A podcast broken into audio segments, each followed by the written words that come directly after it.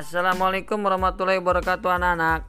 Hari ini Ustadz akan menjelaskan tentang tujuh keutamaan sholat berjamaah. Perhatikan baik-baik ya anak-anak.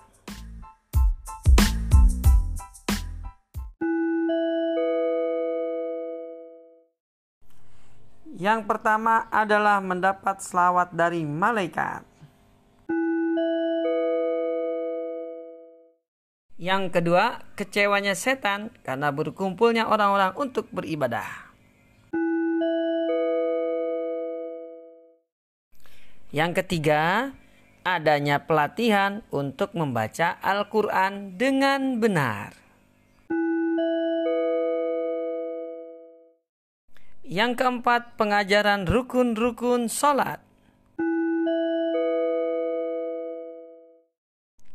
Yang kelima, keselamatan dari kemunafikan. Yang keenam, ditinggikan derajatnya oleh Allah Subhanahu wa Ta'ala.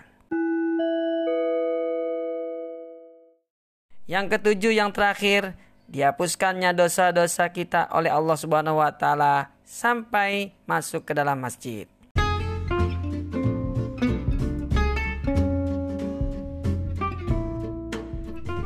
Demikianlah tujuh keutamaan di balik sholat berjamaah.